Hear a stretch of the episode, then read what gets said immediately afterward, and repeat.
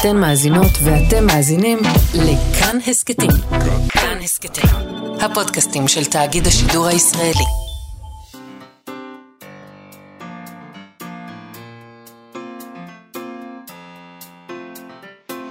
מה שכרוך עם יובל אביבי ומה יעשה לה.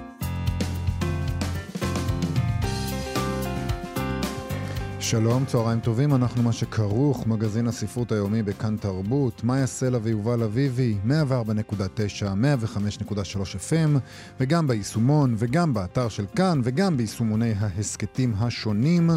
איתנו באולפן המפיקה שלנו, תמר בנימין, תמיר צוברי על הביצוע הטכני. שלום לשניכם, שלום מאיה. שלום יובל. אה, אנחנו מרבים להתייחס אל הוצאות כמו ידיעות ספרים, או דן כתר, או כנרת זמורה.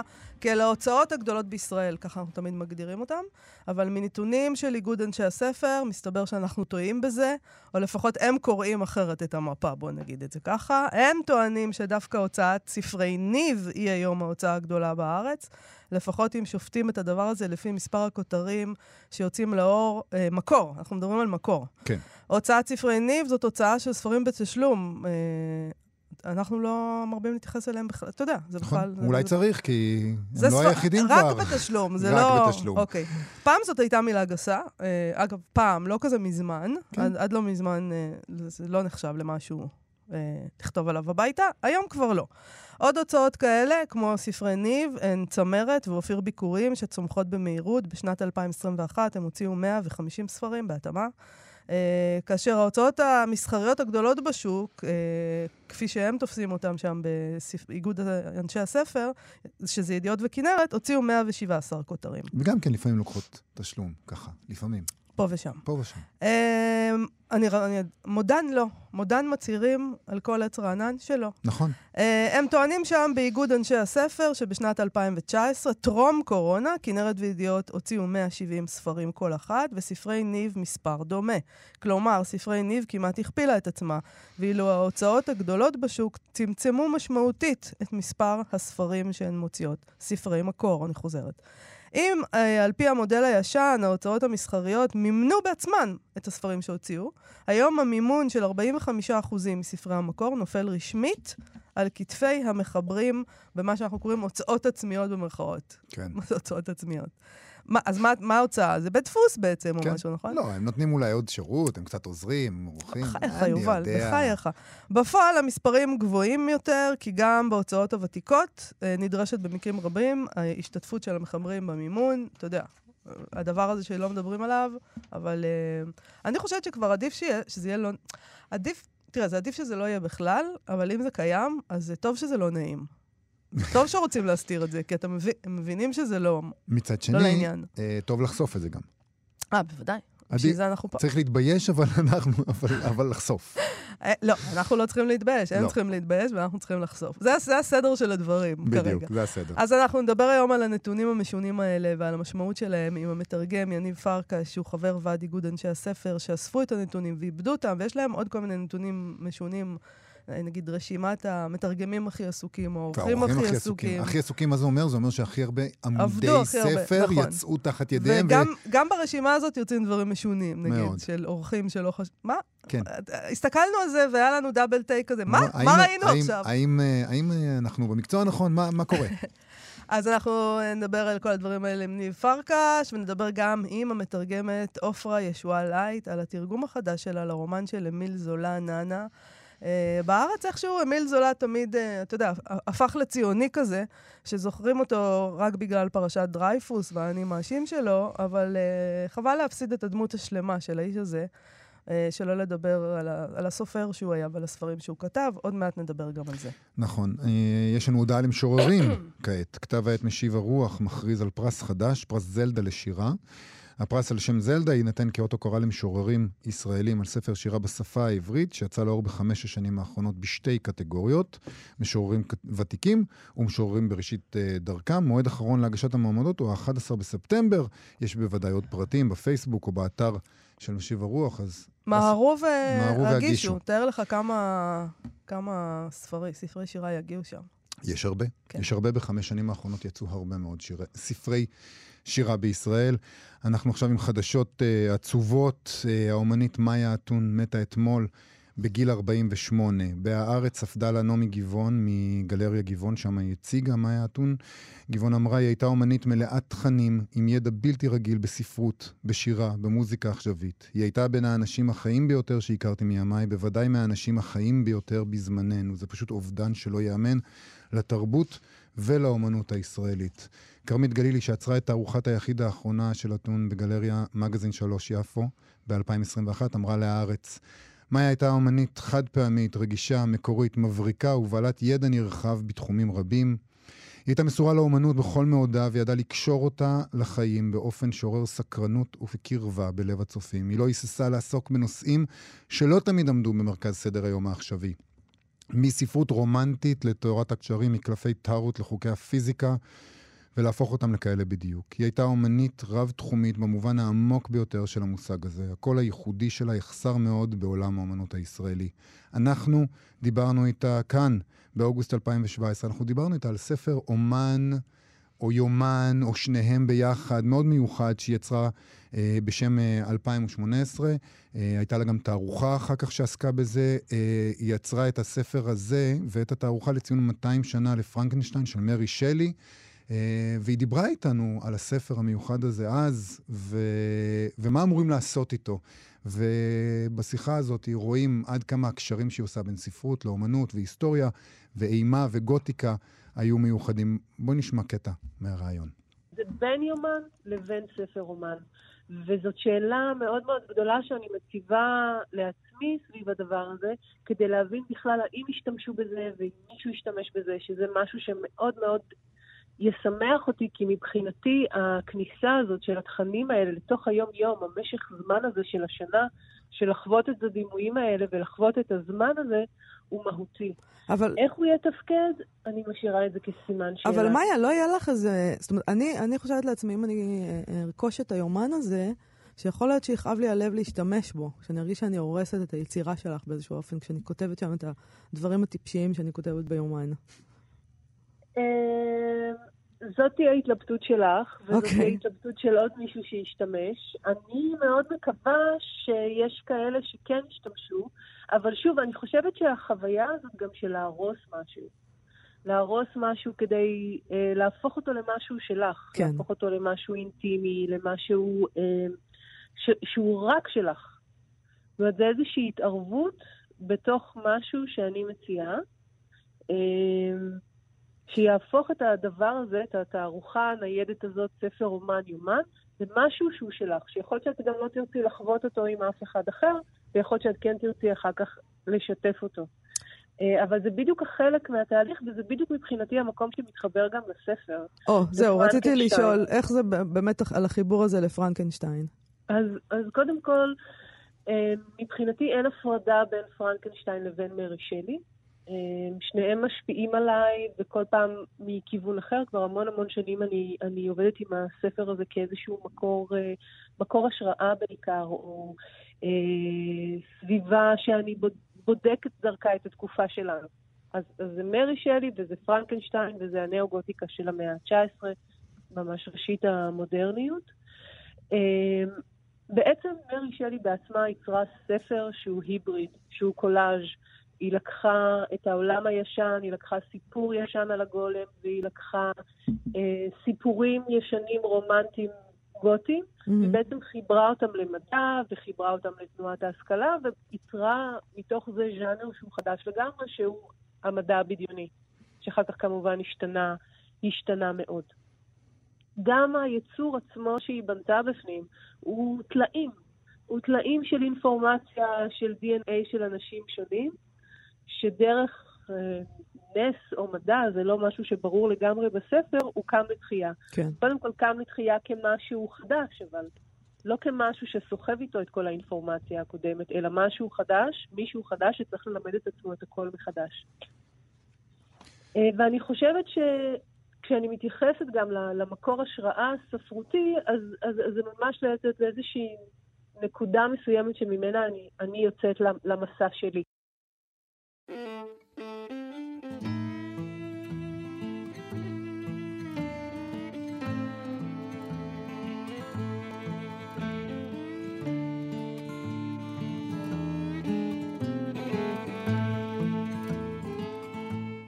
חזרנו עם נתונים די מדהימים שמביאים לנו אה, ועד. איגוד אנשי הספר, שלקחו נתונים מהספרייה הלאומית. הספרייה הלאומית בעצמה משחררת מדי שנה אה, דוחות, אבל אה, השאירה להם לאבד לפחות חלק מהנתונים, נגיד, אה, ולהגיע לתמונת מצב, אני חושב, שונה מתמונת המצב, נגיד, שקיבלנו אה, לפני כמה שבועות בחודש הספר מהספרייה הלאומית.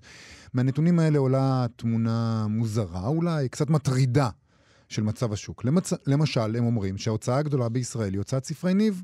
שמוציאה רק ספרים אה, במימון מחברים.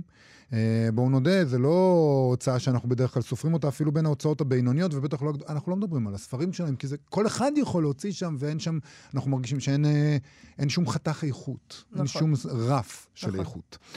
אה, כמובן שהם מתייחסים לגודל בכל הנוגע לספרות מקור. זה נתון אחד משונה שהם מציבים בפנינו, שמדגים את המהפך שעבר השוק הזה האומלל, אה, שעוד יתמלל עוד כנראה.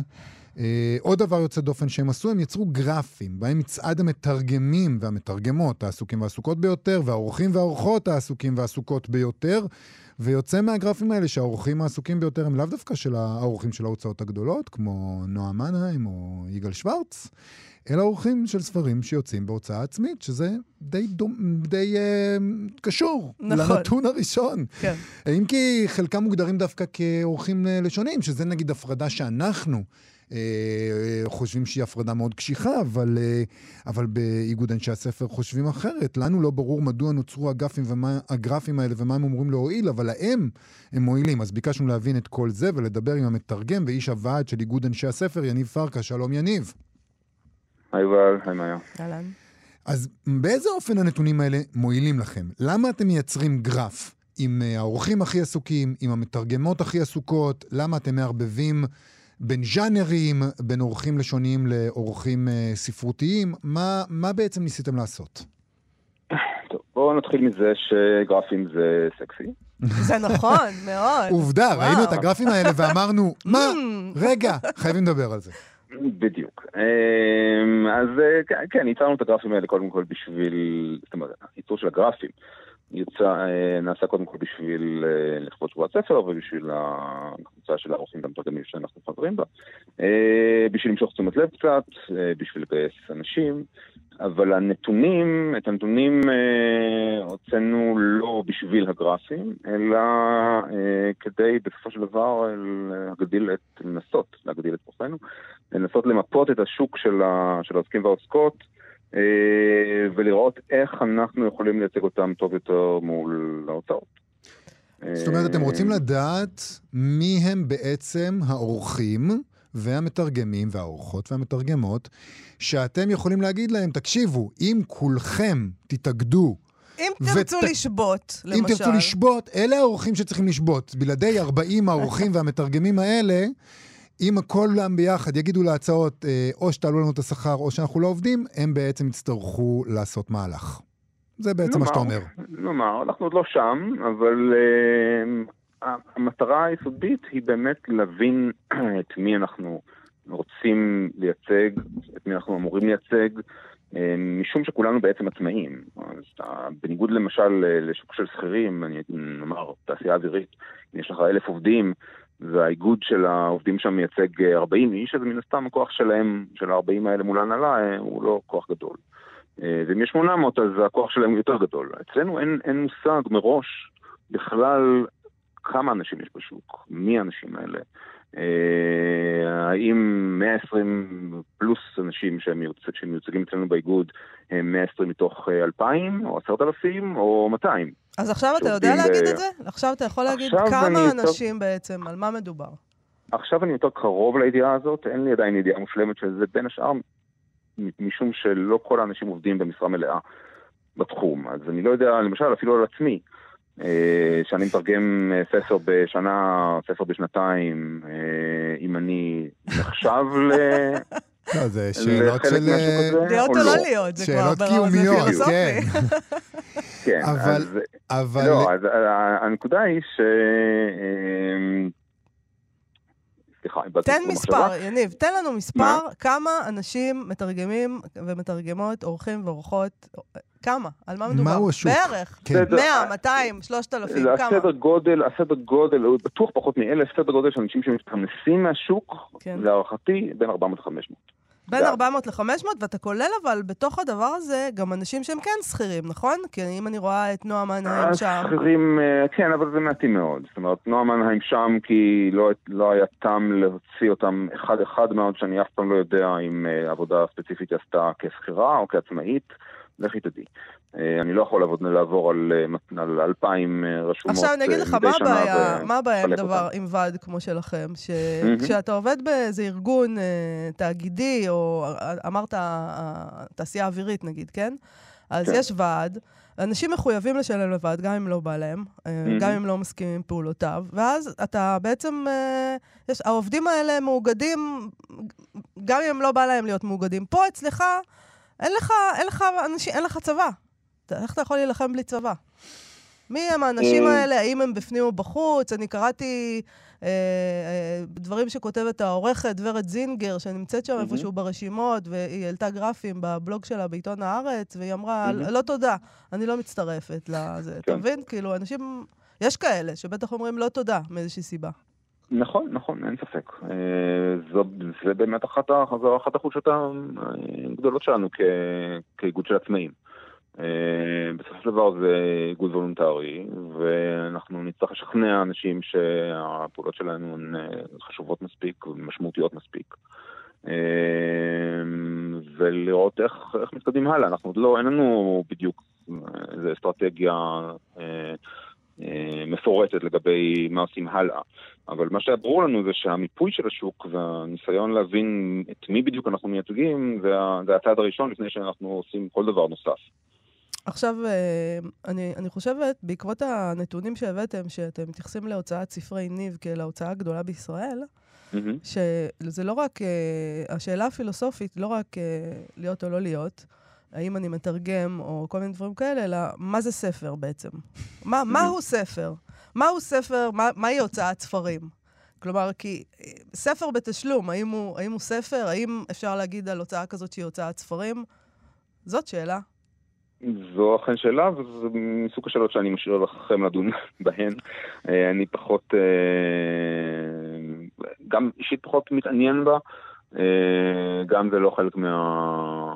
אבל תשמע, את, את, הנתונים שלכם, הם לא רק אותך מכניסים לתוך סחרחרת שאלות קיומיות ופילוסופיה עצמית, אלא גם אותנו, כן? אם אוקיי. אנחנו uh, מסקרים את שוק הספרים, מה אנחנו צריכים לעשות עם הנתון שלך, למשל, ש-43% מכלל הכותרים המתורגמים בשנת 2021 הם רומנטיקה. האם עכשיו אנחנו צריכים להגיד, אוקיי, זה חצי כמעט מעולם הספרות המתורגמת, ועם זאת, זה ז'אנר שעיתונות הספרות כמעט כמעט לא עוסקת בו, לא אנחנו ולא גם הקולגות שלנו. האם אנחנו נכון. צריכים לחשוב מחדש? אני לא בטוח שאנחנו צריכים לחשוב מחדש על עבודתנו, כיוון שזו ספרות שהרבה פעמים אה, לא מעניין לדבר עליה מבחינתי. אה, אז אה, תשמע, קודם כל בתור מי שלא קורא את הספרות הזאת, אני לא מרגיש בדיוק בר סמכה לדבר עליה. אה, אבל יכול להיות שגם אתה וגם אני צריכים אה, כן להתחיל לקרוא אותה ולראות אם בכל זאת יש שם משהו שאנחנו מפספסים. זאת אומרת, אני, אה, אתה יודע, רבים מחבריי הטובים ביותר. אה, קוראים ספרות רומנטית? כן, קוראים ספרות רומנטית. מתרגמים, חברים, חבריך מתרגמים. הרי בלי גם. החבר'ה שלכם, המתרגמים והמתרגמות, לא היה יכול להיות 50% מהשוק נכון. אה, בז'אנר נכון. הזה. נכון. וגם אה, כאיגוד אתם חייבים ל- ל- לייצג אותם. כדאי לכם לייצג אותם, כי בסדר. אולי הם אה, בעלי הכוח, בניגוד נגיד למתרגמים אה, של ספרות יפה, שממילא אף אחד לא קונה וקורא. קודם כל בואו לא נקרא למתרגמים בעלי כוח, כי כוח אין שם. דווקא מהבחינה הזאת, שהנתונים שיש בידינו מעידים על זה שה... תנאי התשלום ותנאי העבודה בהוצאות האלה הם עוד נמוכים יותר מהתנאים הגרועים בהוצאות האחרות, אה, כך שזה לא בדיוק מבשר טובות.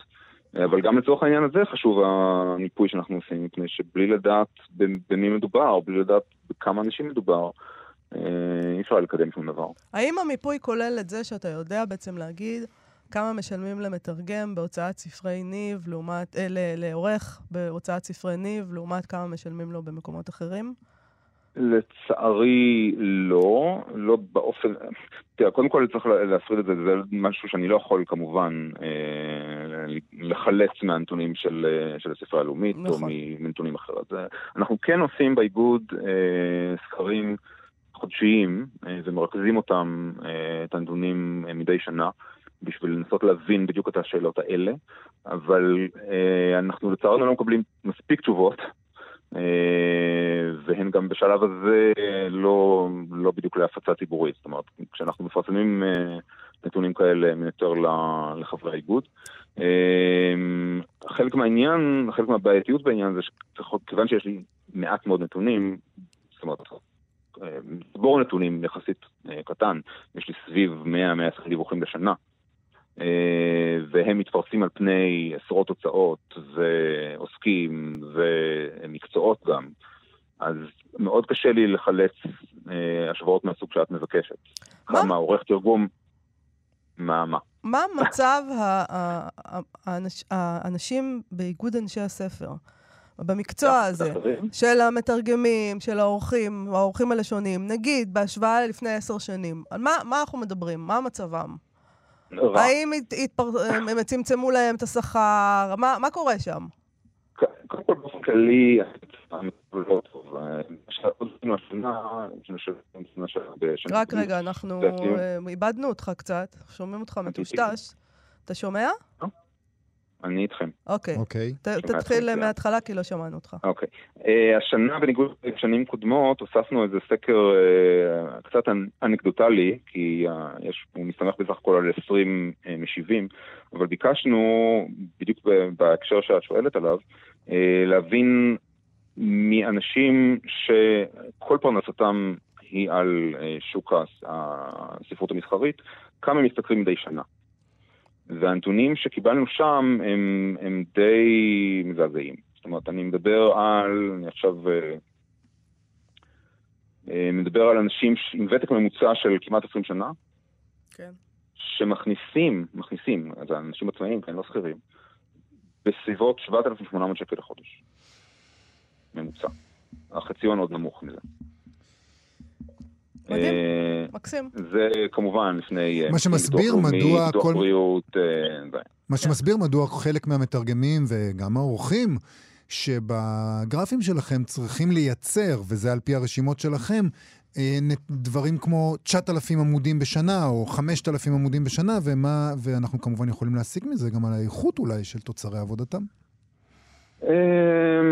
שוב, זה פחות הקטע שלי.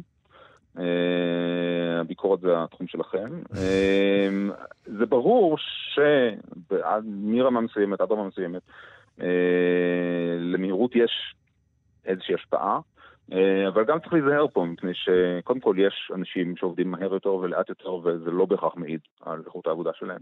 יש אנשים שעובדים יותר שעות ופחות שעות, וזה לא מעיד בהכרח על איכות העבודה, שלהם, אנשים עם נסיבות משפחתיות כאלה ואחרות, או סתם עם יכולת לעבוד יותר שעות, וזה מאוד מאוד קשה להסיק מסקנות אה, מה, מהדברים האלה. אני, עד, עד שתסיקו מסקנות, אני רוצה להמליץ לך על סדרה, לך okay. אוקיי. ולחברים שלך בוועד. קוראים לסדרה הזאת אהבה ואנרכיה, סדרה שוודית.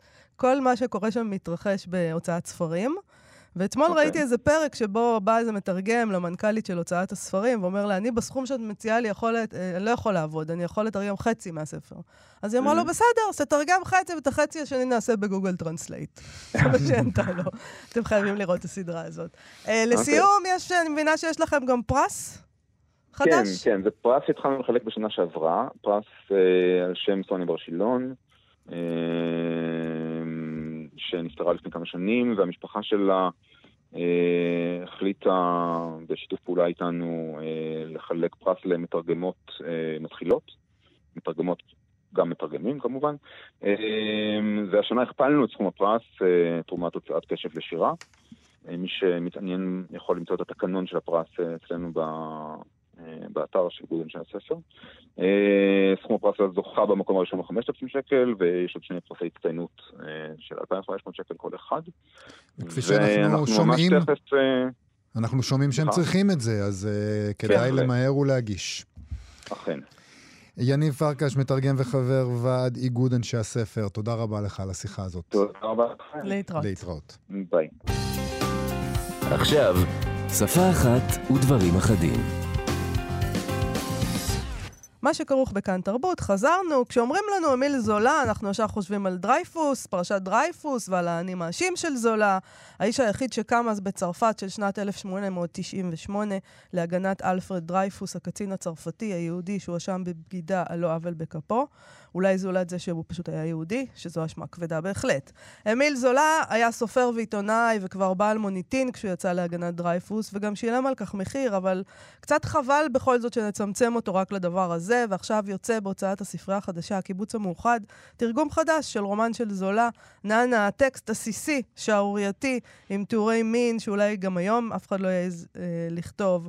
אולי בעיקר היום, לך תבין אם אנחנו אוכלים, הולכים בעולם הזה בכלל קדימה או אחורה. Uh, ביקשנו לדבר במסגרת הפינה שלנו, שפה אחת ודברים אחדים, עם מתרגמת הספר הזה מצרפתית, עופרה ישועה לייט. שלום, עופרה. שלום, שלום. ספרי לנו על נאנה, מה, מה, מי זאת הנאנה הזאת?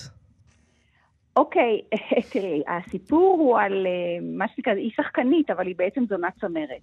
Uh, אני חייבת לומר שהספר בהחלט עוסק במיניות, אין בו תיאורי מין ממש, אבל יש בו הרבה אה, רמיזות ו- ותיאורים של יחסים מיניים שאנחנו לא כל כך מכירים. זאת אומרת, גם, ה- גם הבחורה עצמה, היא, היא, בעצם זה רומן מאוד חברתי, כמו כל הרומנים של זולה. כן. היא עוברת אה, דרכה, או במיטה שלה, עוברים כל מיני טיפוסים שהם כולם אה, צרפתים, מהבחור הילד הצעיר שרק עכשיו גמר את הגימנסיה ועד הרוזן ה... חשוב שמאבד את ראשו בגללה. וגם יש לה גם, יש הרבה בספר הזה מוקדש גם למיניות של נשים עם נשים, שזה עוד לא שמעתי, אני קוראת את הביקורות על הספר, ויש בו הרבה מאוד התייחסות ל, ליחסים שלה, בעצם אהבתה האמיתית היא לזונה קטנה אחרת. יש גם רמז לזה שהיא עברה איזושהי התעללות כילדה, ושזה קצת שרט אותה בהמשך החיים. צריך להגיד אבל... שננה זאת, היא, היא בת 18, כלומר, היא לא... נכון. היא לא בת 18, יש לה ילד. ויש לה ילד מגיל 16. זה... שנמצא אצל איזה מיינקת שהיא... כן. שולחת כסף. ככה זה מתחיל בעצם. אנחנו מגלים שהיא במיטה צריכה לחכות למישהו, מישהו בדיוק הלך, והיא צריכה, ואין לה את, ה... את הכסף למיינקת. אז, והתיאור של זה באמת נכון, זה לא תיאור מיני, אבל זה, יש שם תיאור... שלה הולכת כדי להשיג את הכסף וחוזרת באיחור, כי הוא לא הפסיק ולא הפסיק, והשמלה שלה קרועה. נכון. Uh, עכשיו, קודם כל, uh, ילד בגיל 18 לפני 100 וכמה שנים, זה לא היה דבר כל כך uh, נדיר. כן.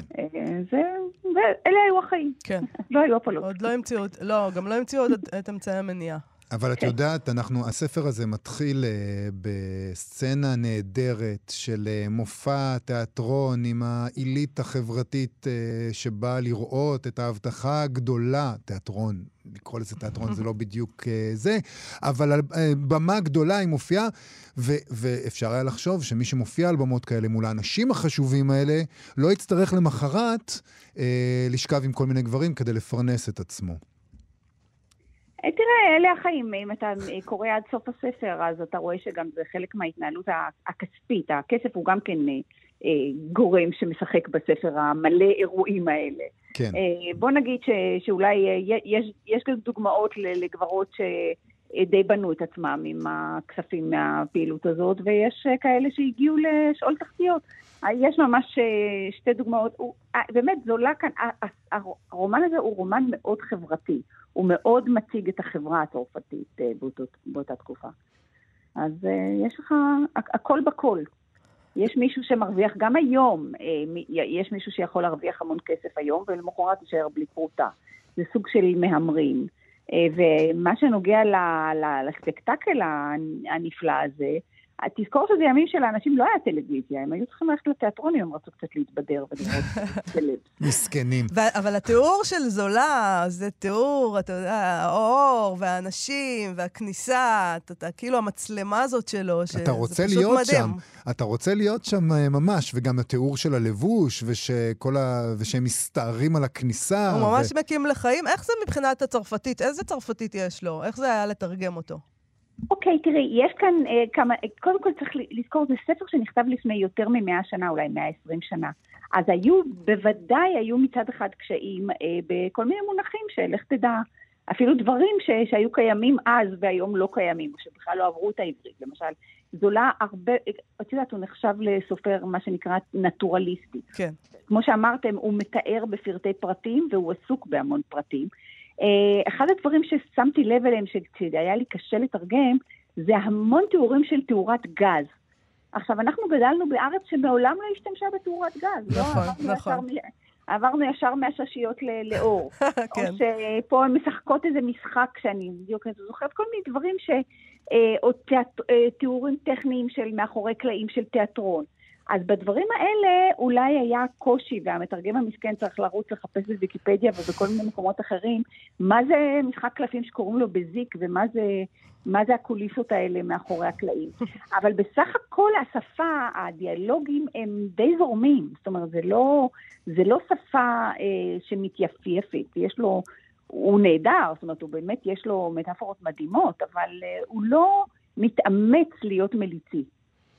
כן, יש משהו גם, גם בעברית, גם בתרגום שלך, יש משהו קליל כזה, זה לא... אה, אה, מעניין אותי, נגיד, יש המון אופנה, יובל אמר. כל, כל נכון. השמלות ומה לובשים נכון. הגברים ועם איזה חליפה הוא.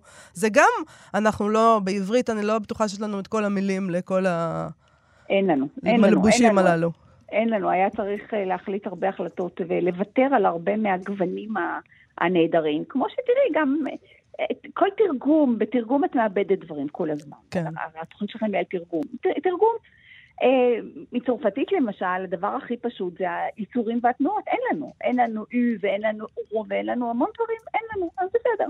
אז אה, לשמחתי הייתה, היה לתרגום הזה גם עורכת נהדרת שדאגה גם להטיות הנכונות ולניקוד הנכון של השמות. הילה בלום. אה, הילה בלום, כן. כן, העורכת, אבל אה, זה תרגום שעבר עריכה אה, מצוינת. וכן, אבל איך שלא יהיה, בתרגום מאבדים. זאת אומרת, אנחנו מקבלים בשפתנו את מה שנותר, מה שאפשר. את אומרת שזה נכון, הספר הזה הוא תיאור, הוא ספר חברתי מאוד, והוא צריך להגיד, הוא גם ספר פוליטי, כי הוא גם מתאר אה, תקופת זמן מאוד מאוד ספציפית. אה, וכל מיני אה, מהלכים שעושים בחברה הגבוהה מובילים אחר כך לכל מיני תוצאות מהותיות ביותר, אבל אני חייב להגיד, וזה נשמע, היום אנחנו אומרים את זה כגנאי, נכון? אה, זה ספר מאוד מבדר. הוא פשוט כיפי לקריאה, וזה ניכר שזה נכתב כבידור, כמו שאת אומרת על התיאטרון, שהיום נחשב תמיד, ברגע שהולכים לתיאטרון הזה, סוגה עילית, כן? למרות שזה נועד להיות בידור. ואני רוצה לשאול אותך על זה, זאת אומרת, אני, אני רוצה להגיד את זה כמובן לא כגנאי, אני רוצה להגיד עד כמה התחושה באמת שהוא רצה לעשות את מה שעבורנו היום יכול להיות היה באמת איזה סדרת טלוויזיה תקופתית או משהו כזה, או סדרת טלוויזיה על החברה הגבוהה, שזה משהו שכולנו היינו רוצים לראות. עד כמה הספר הזה בעינייך הוא באמת רצון אה, לתת לאנשים שקוראים אותו בידור טוב? אה, קודם כל, זו תקופה שבה הסופרים התפרנסו מכתיבה, וזה לא הרומן היחיד של זולה, הוא כתב הרבה מאוד uh, ספרים, שרבים מהם גם תורגמו לעברית, ספרים מצוינים, שגם כן uh, מלאים uh, יצרים ותיאורים, ואגב, הספר הזה הוא לא עוסק רק בחברה הגבוהה, יש הרבה תיאורים מתחתית החברה. נכון. זה היופי שלו, שהוא בעצם, הוא, הוא במברשת גדולה רץ על הכל, זה ספר די גדול. יש בו המון פרקים, כל פעם אתה, אתה מבקר באיזשהו מקום אחר. אה, אה, אם אתה תחשוב, אני לא יודעת אם הגעתם לסוף, הפרק האחרון שלו מתאר אה, משהו קורה, הכנופיות של החולצות הלבנות, שזה כאילו, זאת אומרת, אנשים שהולכים ברחובות ורוצים מלחמה. הברלן, הברלן, לך, בוא, בוא נלחם. ואנחנו, ומי שקורא את הספר, גם בזמנו, יודע שבסוף הייתה מלחמה, מלחמת פרוסיה צרפת, והצרפתים נפלו על האף, הם חטפו. כן, אז, כן. אבל, אבל, אבל ההליכה, הציבור, האספסוף שרץ ברחובות ורוצה מלחמה, הוא קיים, זה לא חברה גבוהה. Uh, עכשיו, בידור, כן, יש שם בידור. אנשים קראו ספרים בשביל להעביר את הזמן. ו, וזה לא הספר היחיד ש, ש, שנתן את הבידור הזה. אבל זאת תקופה אחרת, זאת ספרות אחרת, ואני זכרתי את הספר הזה משנים, אני קראתי אותו בתרגום של אה, צבי ארד משנות ה-50 או ה-60, ותמיד נשאר לי בראש ש- שהיה איזה ספר שבאמת נתן תיאור של חברה, ופה הדבר שנראה לי לא הרבה הרבה השתנה, הקשר הזה בין, בין הון לשלטון, כן. הכוח, אה, הדברים האלה אפשר להסתכל עליהם, לא, לא הרבה השתנה. עופרה ישועה לייט, אה, ננה, אמיל זולה בתרגום שלך, תודה רבה לך על השיחה הזאת. תודה לכם. להתראות. להתראות.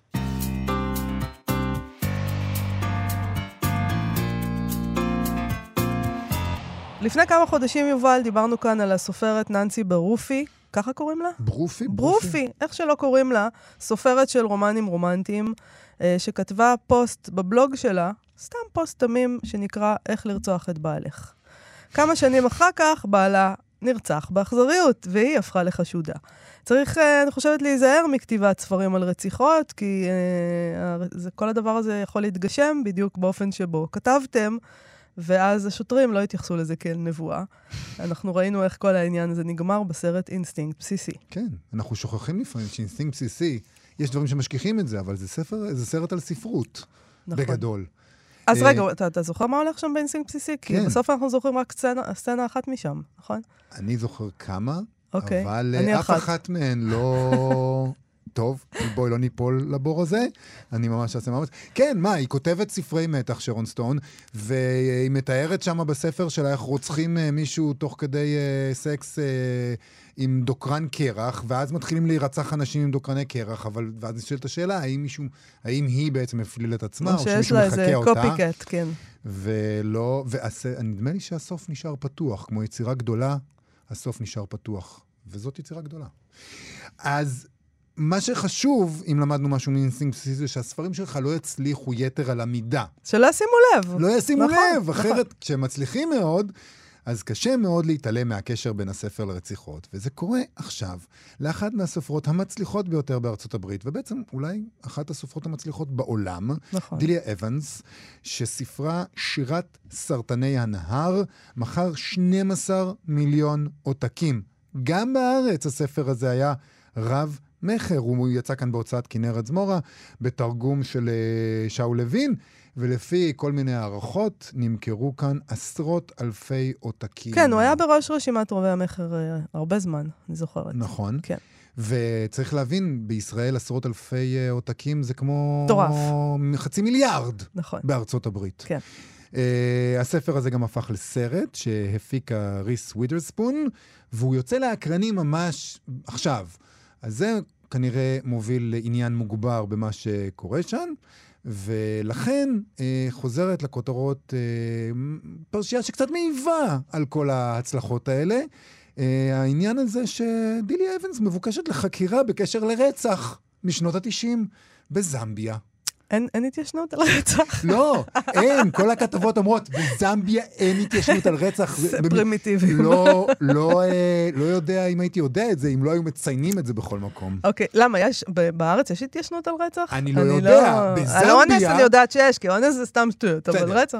בזמביה אני יודע שאין, כי זה כתוב בכל מקום, אבל לגבי אוקיי. מקומות אחרים אין לי, אין לי ידע. אז כתבה שפורסמה באטלנטיק חוזרת לי, לירי אה, שהיה בצייד בלתי חוקי בזמביה. מדובר ברצח שצולם ושודר בכתבה של רשת ABC בשנת 1996. דיליה אבנס, הסופרת המהוללת, ובעלה מרק, אה, חיו בשנים האלה במדינה, והם הם פעלו נגד ציידים בלתי חוקיים. אז אתה יודע, זה, זה גם מעניין במובן הזה שהם כאילו מהטובים, כן, נכון? אנחנו כן, לא כן, אוהבים כן, ציידים. כן. הם. היו, הם היו פ... הם אקטיביסטים, אנחנו בעדם. ו- וצריך להגיד שציד בלתי חוקי זה אסון במדינות האלה, יפה. ממש אסון. אז נטען שאנשים מטעמם קשרו ציידים כאלה אה, להיצלות בשמש והשתמשו בעוד כמה שיטות מפוקפקות כדי לחקור אותם, או סתם כדי להעניש אותם. הם, הם מכחישים כמובן את כל הדבר כן. הזה, אבל הרשויות בזמביה דורשות לחקור אותם אה, בקשר לרצח ששודר בכתבה. יש, הוא נמצא כן, בכתבה, הרצח כן. הזה, ב-96. Uh, התביעה בזמביה אומרת שמרק ודיליה אבנס הכניסו נשק למדינה והפכו את עצמם לסוכני אכיפה מטעם עצמם. עכשיו- השוטרים של ה... עכשיו, צריך להגיד שהדברים האלה ידועים, כן? זה לא, אה, זה לא שעכשיו פתאום, אה, פתאום נחשף מידע חדש. נכון. הם יודעים את זה כבר המון זמן. אני חושבת שאפילו אנחנו פה דיברנו על זה בזמנו, כשיצא הספר בעברית. אה, ב-96, כשיצאה הכתבה הזאת, הכותרת הייתה אמ, קשורה לדיליה ומרק אבנס. זאת אומרת, זה ידוע העניין הזה, ופשוט לאף אחד לא אכפת, משום מה. מה אתה רוצה שיעשו? שיסגירו אותה לזמביה עכשיו? אין, אה, עוד אין דבר הסכם שאני יודע, הסגרה. עוד דבר שאנחנו יודעים זה שאין הסכם נו, אה, אבל אם היה הסגרה. הסכם הסגרה. הנה, הנה, סוגיה מאוד מעניינת ל- ל- להציג בפני אדם פרוגרסיבי כמוך. כן. אם היה הסכם הסגרה, האם כן. היית רוצה שיסגרו אותה? הרי אחרי הכל היא נלחמה בציידים. אז אנחנו נורא נורא בעד, אה, נגד רצח כמובן, אבל מצד שני, היא נלחמה יודע. בציידים אכזריים. אה, Mm, אני. שמח שלא אני צריך להחליט. נכון. ואני חייב להגיד שאני לא חושב שגם אם המטרה שלך טובה, לרצוח, אני לא יודע. אני מסכימה אה, איתך, לכאורה, אבל אני יכולה להגיד לך, לכאורה. אם אני לא צריכה, אני לא שופט ואני לא צריכה לתת טיעונים ונימוקים וזה, ואני לא פילוסוף, לא, אני לא הייתי מסגירה אותה. נקודה. בסדר. פשוט אה, ככה. אה, אני, אה, הרבה פעמים את יודעת להחליט, יש לך יכולת להחליט דברים שאני כאילו אומר, כן, אבל יש פה ויש שם. אין פה ואין שם, לא מסגירה אותה, לא נקודה. מסגירה. יש איזה עוד זווית לכל העניין כן. הזה, והוא זווית ספרותית. אה, מתברר אה, שגם, אה, אה, שגם כששירת סרטני הנהר אה, פורסם, כבר עלה העניין הזה. כיוון ששירת סרטני הנהר מספר על נערה בשנות ה-50 בצפון קרוליינה אמנם, לא בזמביה, אבל היא חיה לבד בביצה מבודדת. ויש פה ספוילר קטן למי שלא קרא את הספר, למרות שכבר, אה, אם, אם הייתם אמורים כבר לקרוא אותו, העלילה הזאת מורכבת, היא מובילה אותה לבצע רצח שהוא לכאורה מוצדק מבחינה מוסרית, רצח שאת אוהבת. אה, לא, אני דווקא, יש, אני, אני קצת יותר אקלקטית. כאילו, מוצדק מבחינה מוסרית זה קל לאהוב. נכון. אני... זאת אומרת, לי- גם לפעמים זה לא מוצדק, אפשר כן. לאהוב את זה. כן. בסדר. הרצח הזה הוא לכאורה מוצדק מבחינה מוסרית בספר, ואז גם כן בכתבות האלה שמסקרות את הדבר הזה, מזכירים שכבר מבקרים כשיצא הספר, הם הכירו את הסיפור, ועם יצירת הספר הם כבר כתבו על זה בביקורות, על קווי האופי הדומים בין נכון. אבנס לגיבורה שלה, ובין הרצח שהגיבורה מבצעת, אמנם בארצות הברית, אבל אה, אה, זה עדיין מאוד דומה לפרשייה המטרידה מהעבר של דיליה אבנס בעצמה. ויש שם עוד כל מיני הקשרים, נגיד שמות, יש, היא, היא מכניסה שמות של כל מיני בכירים בזמביה כשמות בעלילה שלה, ועושה את זה לא רק בספר הזה, דרך אגב, הם גרו שם, היא מכניסה את זה לספרים אחרים שלה גם, אבל יש המון המון דברים שקושרים בין הספרים שלה לבין הפרשייה הזאת. אז כאמור, בין זמביה לארה"ב אין הסכם הסגרה, ובזמביה אין אה, התיישנות על רצח, אז לא ברור מה יעלה בגורל הדרישה לחקור אותה. אני מניח שעוד נשמע על הפרשה המשונה הזאת בעתיד, ואני מניח שמרצונם החופשי הם לא ייסעו לאפריקה או בכלל, לא, לא. וספציפית לא לזמביה. לא, אני לא חושבת שיעלה שום דבר בגרוע לדבר הזה. ואם- תמשיך לחיות את חייה, זה יחסי ציבור מאוד מאוד טובים לס- לסרט שיוצא עכשיו, הכל וציד בלתי בסדר. חוקי, למרות הרצח הזה, עדיין והוא מתקיים. יימ- הוא יימשך, נכון. Uh, אני חושבת שהדבר הכי מעניין פה, בסיפור הזה, זאת הנטייה שלנו, uh, זה, את זה הייתי רוצה לחקור ולבדוק. הנטייה שלנו להתוודות על הפשעים שלנו. Uh, uh, כמעט הכורח כנראה שהאדם מרגיש... בדור, בדרך זאת או אחרת, אנחנו בעצם, אה, בני האדם לא מסוגלים לשתוק, רובם, ולשאת את המעשים שלהם בדממה, את המעשים הקשים שהם עשו. אה, וזה מאוד מאוד מעניין, כי אני אף פעם לא רצחתי מישהו, וגם אין לי שום כוונה לעשות את זה. אבל אם היית אבל רוצחת- הייתי חושבת לעצמי, שאם הייתי רוצחת, כן. והצלחתי לצאת מזה ולא תפסו אותי, כן. אז אני לא אגיד אף פעם שום דבר, ואני גם לא אכתוב על זה, ואני גם... לא- וכנראה שזה משהו לבן אדם שהוא לא יכול לשאת את הדבר הזה שהוא עשה. אבל יש לי שאלה אחרת. נניח שאת כותבת ספר על uh, מעילה, לא רצח, מעילה גדולה בבנק. כן. ואז נקראת על דרכך הזדמנות למעול, למעול. בהמון כסף בבנק שאת עובדת בו. אה, אתה חושב על זה הפוך בעצם. קודם כתבת, ואחרי זה אמרת לעצמך, בוא נעשה את זה. נניח הסופרת הראשונה שהזכרנו, שכתבה בבלוג שלה איך לרצוח את בעלך, יכול להיות, היא עוד לא רצחה אותו, היא כתבה את זה לפני שהיא חשבה שהיא תרצח אותו, Mm. ואז הוא עצבן אותה. והיא אמרה, אה... אבל אני יודעת איך לעשות את זה, איך לרצוח את בעלך, כי אני כתבתי את כל הפוסט, הפוסט הזה נכתב בעקבות ספרים שלה, איך טוב לעשות כן, את זה. היא עשתה, היא- מה שהיא היא עשתה. היא חקרה והיא בדקה מה זה הרצח בשביל המושלם. הספרים. אז היא הגיעה למסקנה מהו הרצח המושלם, ואז, ואז היא ביצעה מימשה. אותו, כי הוא היה מעצבן. תשמע, אני אגיד לך משהו, אני, אני לא אדם אה, רצחני. אני לא, לא. אין לי, לא. לא חושבת שאני מתכוונת לרצוח מישהו. בסדר. אם את במקרה רוצחת, אז אל תכתבי על זה ספר לפני או אחרי. אני מאוד זה אשתדל. הטיפ, ועם הטיפ הזה לכולכם, אנחנו נאלצים לסיים להיום. נגיד תודה לתמר בנימין ולתמיר צוברי שעשו איתנו את התוכנית, ונזמין אתכן ואתכם לבקר בעמוד הפייסבוק שלנו וגם בעמוד הפייסבוק של כאן תרבות. נתראה שוב מחר. להתראות. להתראות.